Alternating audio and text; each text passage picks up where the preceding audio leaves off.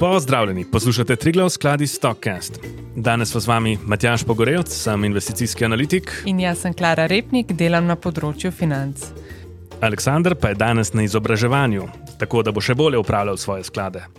Letos je za nami kar precej vihravo leto. Če smo lansko leto zaključovali z mislimi, da je COVID-19 za nami in pred nami svetla prihodnost, se je novo leto pričelo z visoko volatilnostjo na področju energentov ki pa se je z ruskim napadom na Ukrajino še dodatno stopnjevala.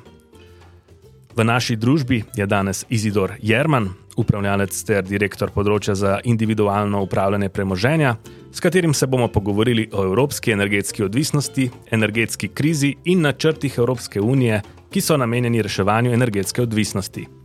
Izidor, lepo pozdravljen, lepo, da si danes z nami. Pozdravljen, Izidor. Ja, enako tudi v mojem imenu, uh, že drugič, tako da se veselim. Zaradi začetka te ofenzive v Ukrajini strani Ruske federacije je oskrba z energijo v Evropski uniji čez noč postala negotova. Cene so poskočile in se prezrcalile v povečano draginjo tako v Evropi kot po celem svetu. Evropska unija je zaradi napada poostrila sankcije proti Ruski federaciji in začela z umikom od ruskih energentov. V naši strukturi povpraševanja v Evropi naftni derivati predstavljajo okoli 35 odstotkov, zemeljski plin pa okoli 24 odstotkov vseh energetskih potreb Evropske unije. Pa me zanima, Izidor, katere države članice Evropske unije so zaradi spremembe trgovinske politike z Rusijo in iskanja novih dobaviteljev pod največjim pritiskom? Uh, vsekakor Nemčija, ker Nemčija je v zadnjih 20-30 letih uh, dejansko, kar se tiče oskrbe z zemeljskim plinom, postala 100-odstotno odvisna od uh, ruskega trga. Tako da, kot si že omenil, ne, z začetkom vojne v Ukrajini je čez noč bilo treba spremeniti celotno zgodbo, celoten miks energentov v Evropi. To je bilo letos, konec februarja. In v danem trenutku smo sicer imeli dovolj zalog za normalno preživetje prejšnje zime, Potem se je pa začel, eh, bom rekel, tako zelo pospešeno iskanje alternativnih virov, kako priti eh, na neko zeleno vejo eh, v tej zimi. Dočim za naprej se niti ni še toliko veliko razmišljal, sprotno se je, ne, ne toliko intenzivno kot za to zimo. In moram reči, da tam, kjer smo zdaj, na, na, na tem, kaže bistveno bolje, kot uh, je bil neki zgled še letos junija.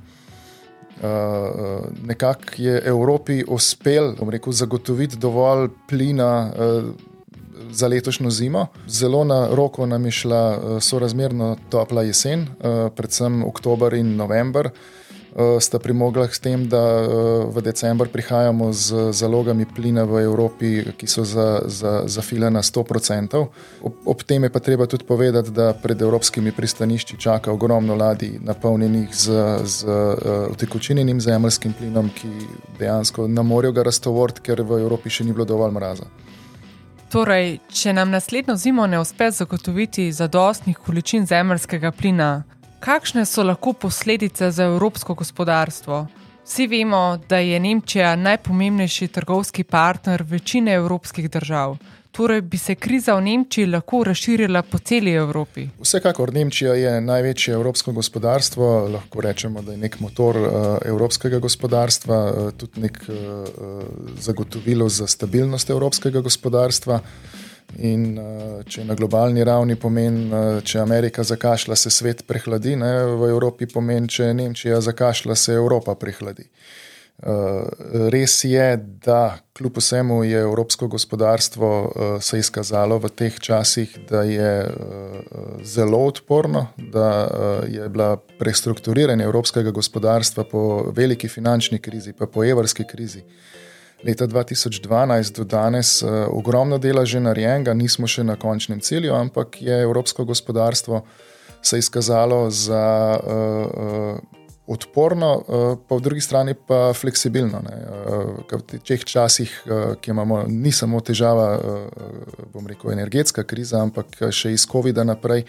Se vlečajo težave z dobavno verigo, z dobavnimi verigami, globalnimi, in nam je nekako uspel prebroditi vse te težave, tako da če se je pričakovalo, da bo evropsko gospodarstvo zašlo v recesijo že v tretjem četrtletju, se je na koncu izkazalo, da smo kljub vsemu še rasli pozitivno. Ne. Mogoče bi sam še tisti, ki si na začetku vprašal, ne, kar se tiče same inflacije in vsega tega, kar je evropska, ta energetska kriza povzročila. Seveda, ne, cene energentov so močno poskočile, ker je nek normalen odziv kapitalskih trgov, ki greš v neko neznano območje. In vsak teden po tistem šoku, ki je, ki je pretekel, ne, je več znanih podatkov bilo. In uh, cene energentov, kljub vsemu, so začele kar, kar lepo se zniževati. Jasno, smo še vedno na nekoliko višjih nivojih, kot smo bili pred uh, uh, rusko krizo oziroma ukrajinsko krizo. Ampak ni več to tako šokantno uh, visoko, kot je bilo še pol leta nazaj. Ne. Tako da inflacija sama je del je posledica del uh, energetske krize, ni pa v celoti. Ne? Tako da tudi, če ne bi bilo energetske krize oziroma napada Rusije na Ukrajino, bi kljub vsemu imeli povišeno inflacijo in tudi više obrestne mere. Tako da uh, v danem trenutku so se, bom rekel, vsi ti eh, črni oblaki okrog inflacije zbrali na enem mestu. Ne, in, uh, mogoče na dolgi rok še celo boljš, da, da zadevo uredimo ali pa naredimo uh, tako, kaj treba uh, naenkrat, kot da bi se to uh, dolgo časa vlekel. Kaj pa to pomeni izguba evropskega trga za ruske energente, za Rusko federacijo? Ja, jaz mislim, da na, na, na dolgi rok se bo sigurno izkazalo, da je to za Rusijo bistveno večji udarc kot je za evropsko uh, ekonomijo. Treba je vedeti, da uh, evropska ekonomija, ekonomija kot taka uh, izvaža v Evropo zgolj samo 2,3%, mislim, da uh, BDP-ja. In uh, izguba ruskega trga kot taka za, na dolgi rok za Evropo ne bo težavna, ne, uh, bomo nadomestili lahko druge. Uh, Eh, dočim eh, na dolgi rok za Rusijo pa to zna biti bistveno večji problem, vsaj kar se tiče uh, izvoza energije.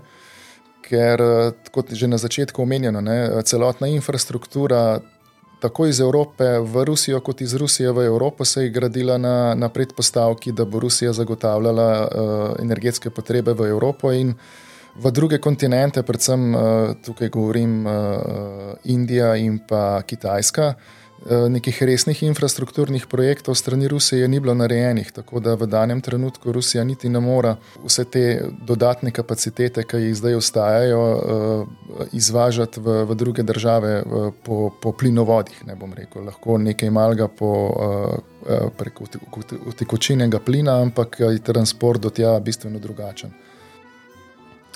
Zakaj pa smo v Evropi postali tako odvisni od ruskega plina? Jaz mislim, da je tu, bom rekel, več dejavnikov, uh, ki, ki so pripeljali do tega. Uh, Glavni del krivde, lahko v danem trenutku rečemo, je, uh, je na Nemčiji. Nemčija se je iz neznanih razlogov 30 let nazaj očitno odločila, da bo dolgoročno postala odvisna od, kar se tiče uh, uvoza plina, pa energetske stabilnosti zgolj od, od uh, ene države. Uh, ki je zdaj izkaže, nažalost, eh, avtokratska država in uh, se je izkazalo, da to ni bila najboljša poteza Nemčije. In uh, v danem trenutku, ja, gotovo je, je uh, takrat, ko se je to delalo, ne, uh, ostale tehnologije, kar se tiče tekočinega plina in vsega tega, niso bile še tako daleč razvite in je bilo pač cenovno sigurno najcenejše uh, plin dobivati iz Rusije, ker uh, naftovod lahko poteka po kopnem.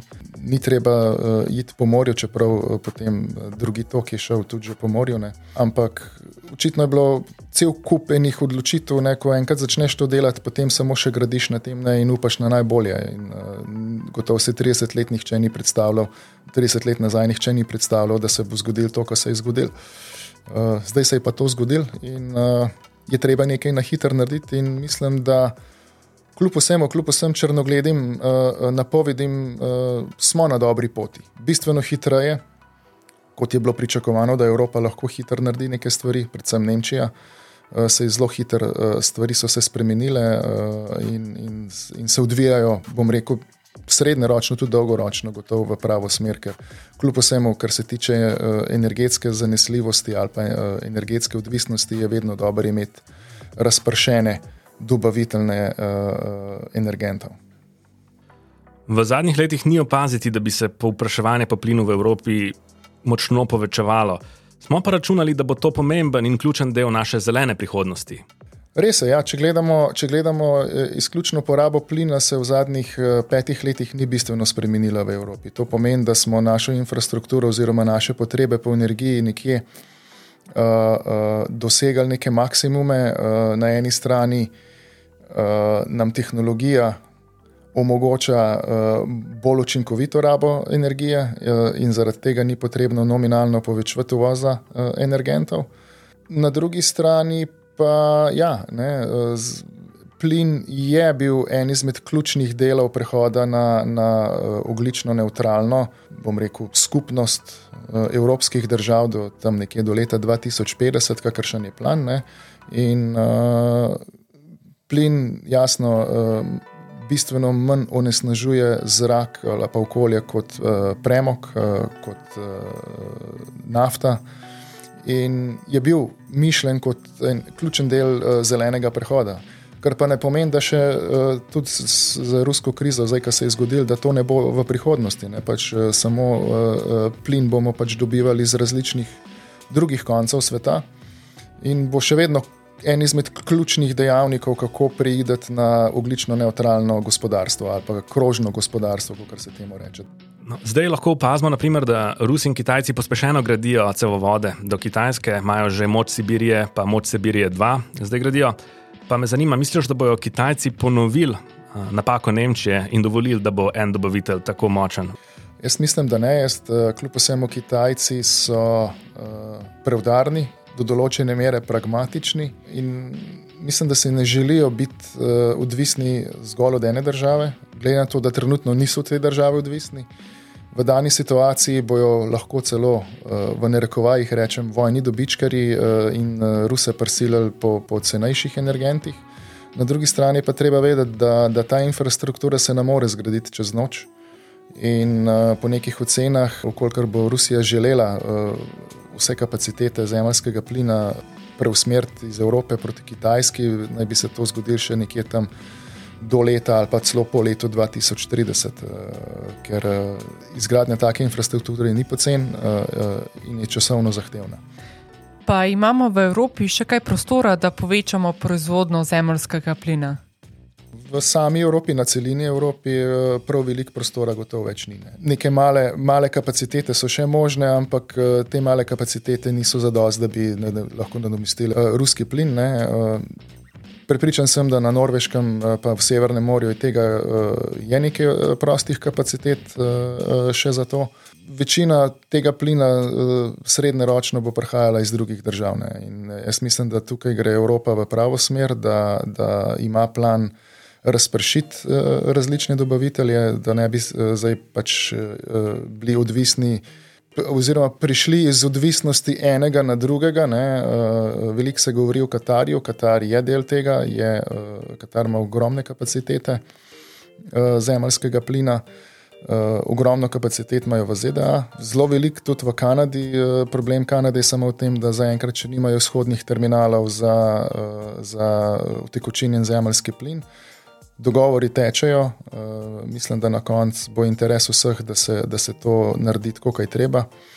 In uh, gotovo v naslednjih 20 letih bo Evropa, po mojem mnenju, imela še vedno zagotovljen plin iz različnih virov. Ne. Eh, cena bomo pa videli, ne. Eh, cena je vedno tako. Ne. Na začetku neke nove tehnologije, kot je utekočinjen zemljski plin, je mogoče malo dražje, ampak s tem, ko se tega več potrebuje, eh, ekonomija obsega.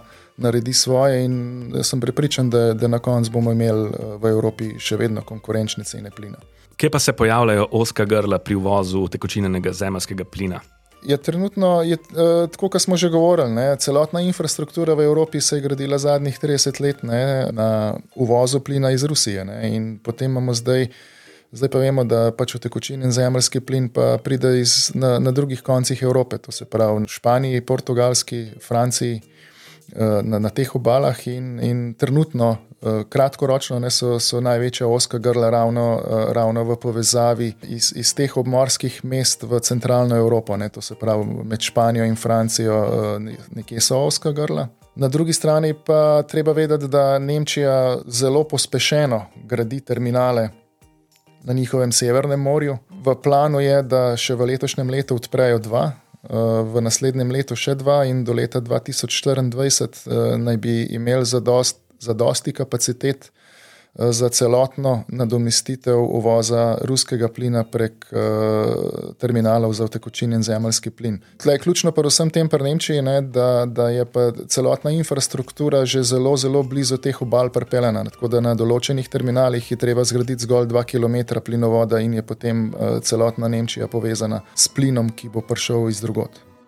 Glede na to, da bo potrebno graditi novo infrastrukturo, plinske terminale, tankerje za prevoz utekočinjenega plina in cevovode, pričakuješ, da bodo podjetja v tem segmentu še naprej pozitivno izpostavljena trenutni situaciji? Uh, jaz mislim, da ja. Uh, Miks se je spremenil, uh, na kakšen način se bo to delal. Uh, izgraditev teh terminalov ni neka bom rekel, velika znanost, ne, saj na nek srednji rok, koliko imaš plan to narediti, eh, ni to težko narediti. V bistvu so, so uh, lahko rečem, prenosni terminali, ki jih lahko eh, z ladjo pač prestaviš iz enega dela na drug del. Uh, to, to ni problem. Je pa tudi uh, pomembno povedati, da pač Nemci, kljub vsemu, uh, da so uh, videli, da so naredili napako z, z ruskim plinom, strateško napako, ne, zdaj razmišljajo eh, bistveno bolj dolgoročno, eh, v zelo kratkem času. Eh, to pomeni, da neke plane so že tako ali tako nekaj imeli narejene, ampak jih pač niso realizirali, da na obstoječih terminalih za, za uvoz utekočinjenega plina jih bodo pripravili do te mere, da bodo lahko v bližnji prihodnosti, ko bo tehnologija za to na voljo, lahko uvažali tudi utekočinjen vodik namesto utekočinjenega zemljskega plina kar pa je en tistih ključnih delov, pa enkrat v bližnji prihodnosti, ali pa mogoče malo daljši prihodnosti, eh, da postanemo oglično neutralni. Imaš morda kakšen primer, koliko denarja sedaj posamezne države v Evropi namenjajo subvencijam teh stroškov, ki so povezani z visokimi cenami energije? Ja, nekaj podatkov je, se pravi, eh, eh, iz različnih virov, različni, ampak nekako nam je uspelo zbrati ven, da eh, v danem trenutku Nemčija namenja približno 200 milijard evrov za, za rekel, pomoč gospodarstvu in prebivalstvu, Velika Britanija okrog 300 milijard. Potem imamo v Evropi namenjenih dodatnih 210 milijard do leta 2027 za prehod, izključno za prehod iz ruskega plina na alternativne vire ali pa na alternativne ponudnike. Uh, potem je pa še ta, uh, bom rekel, največji del vsega skupaj, je pa zeleni dogovor, uh, tako imenovani Evropski zeleni dogovor, ki namenja približno 1000 milijard uh, do leta 2030 že za transformacijo uh, zelenega prehoda, kar pa pomeni ne, tudi ogromno infrastrukturnih projektov, uh, takšnih in drugačnih, v bližnji prihodnosti nas čakajo, ne, od, od uh, bolj učinkovitega uh, elektroomrežja do pametnega elektromrežja in vsega tega naprej. Plan pa je, ne, uh, lahko omenjamo v tem delu, ne, da do leta 2050 v Evropi pridemo na oglično neutralno družbo, za kar je pa uh, po trenutnih ocenah nekje bi potrebovali 5,2 bilijona evrov. Kar se sliši ogromno denarja, ampak ko pogledamo, bom rekel, relativno ali pa bolj iz, izdaleč, ne, če pomislimo, da je BDP evroobmočja 14,5 bilijona, Eh, se na koncu to, ko se porazdeli eh, čez eh, slabih 20 let, ne, to niso več tako velike številke. Torej, pričakuješ, da bomo energetsko zagato lahko rešili tudi z obnovljivimi viri. Katere pa so tiste največje države izvoznice utekočinjenega zemljskega plina? Ja, največji vozniki trenutno, oziroma največji izvozniki ali pa proizvajalci, lahko tudi tako rečemo, ne, je ZDA, uh, Katar, uh, te da sta največja, potem Alžirija, Nigerija, uh, Iran, kljub vsemu sankcijam, ima ogromno kapacitet, lahko dolgoročno, če se bomo geopolitično uh, zmenili, da, da pač Iran uh, v nekem trenutku ne bo več pod tako strogimi sankcijami. Ampak to je bolj politično vprašanje kot uh, vse drugo. Uh, Tako da uh, miks tega ne, uh, obstaja, ne, tudi kapacitete ali pa obstajajo. Uh, težava, ali pa zakaj je zdaj tako, je predvsem zaradi tega, ker če nekdo hoče investirati v pridobivanje zemljskega plina in ga potem otekočiti, pa pelati čez na drug konec sveta, ne, uh, je treba imeti neka dolgoročnejša zagotovila odjemalcev, da bodo pri njih uh, plin odjemali za naslednjih vem, 10, 15, 20 let, ne, da se neko investicijo splača delati. Ja, v zadnjem času res lahko opazimo, da države članice Evropske unije podpisujejo dolgoročne pogodbe za uvoz utekočinjenega zemljskega plina s Katarjem, Alžirijo in Azerbajdžanom. Um, pa me zanima, ali imajo te države trenutno dovolj proizvodnih kapacitet, da dostavljajo tako visoke količine utekočinjenega zemljskega plina, oziroma imajo dovolj cevovodov, se tukaj pričakuje ogromno investicij. Bom rekel, da gotovo v danem trenutku mogoč, uh, nimajo. Uh,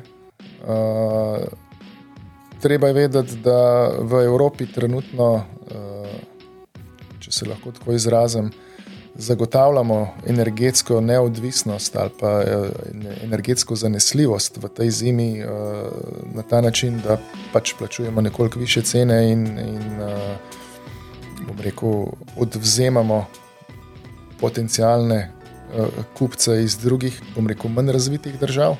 Ampak tako, kot sem prej povedal, ne, eh, če se podpisujejo neke dolgoročne pogodbe, potem bo, jaz sem pripričan, da te države bodo zagotovile dovolj infrastrukture, dovolj kapacitet, da, da, da se eh, energija oziroma plin ustrezno dobavlja eh, neprekinjeno, tako v Evropo, kot tudi v druge države sveta.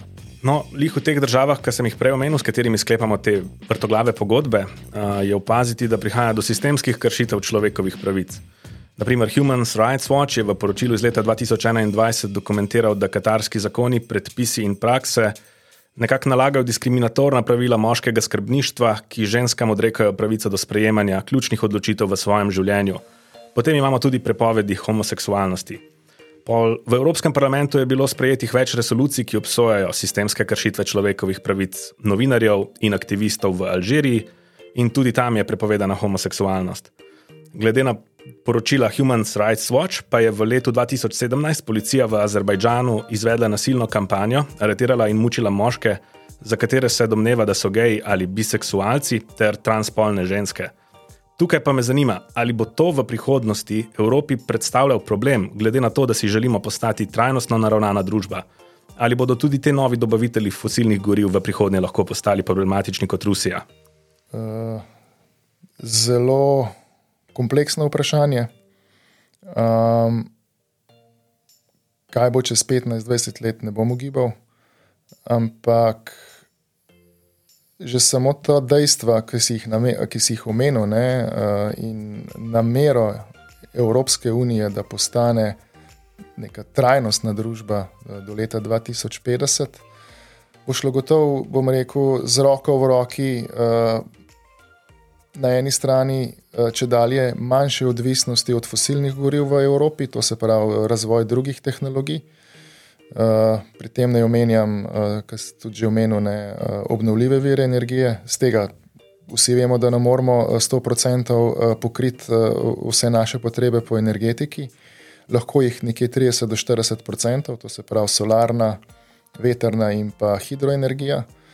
Uh, nek miks vsega skupaj bo zaenkrat, tako smo že omenili, eh, plin, ne? ampak uh, potrebna bo, sem prepričan, absolutno uh, nuklearna energija za zanesljivost. Uh, 20 let je pa tudi zelo dolga doba, ne? tako da jaz sem prepričan, da z znanjem, z razvojem, z vlaganjem v, v, v razvoj in raziskave bomo tako v, predvsem v razvitem svetu našli nek način alternativne.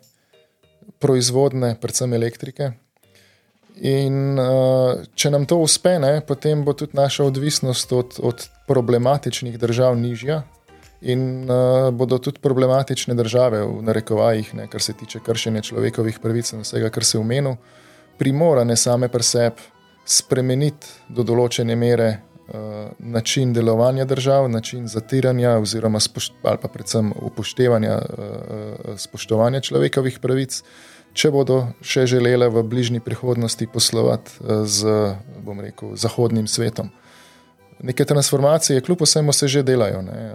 Primer letos, letos uh, nogometnega svetovnega prvenstva ni vse idealno, kot bi si vsi želeli, nikjer ni vse idealno, ne.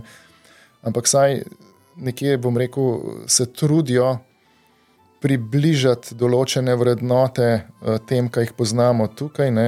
Meni je jasno, da vera in vse skupaj zgodovina, uh, gotovo nikoli ne bomo imeli enakih vrednot, pa enakega načina življenja, ampak denar igra pri tem primerno uh, pomembno vlogo. In, uh, če bo manj posla, bodo primorani, jaz mislim, da, da id v, v, v to smer spoštovanja človekovih pravic. Uh, tako da gre, kot sem rekel, z roko v roki vse skupaj. Ne.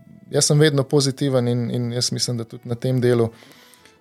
Vse določene zalivske države so bistveno bolj liberalne, že kot so bile pred 20 leti, in uh, tiste bolj liberalne države so tudi bolj uspešne gospodarsko, in uh, je to nek uh, pokazatelj tudi ostalim, bom rekel, avtokratskim državam, uh, da, da se splača iti v to smer.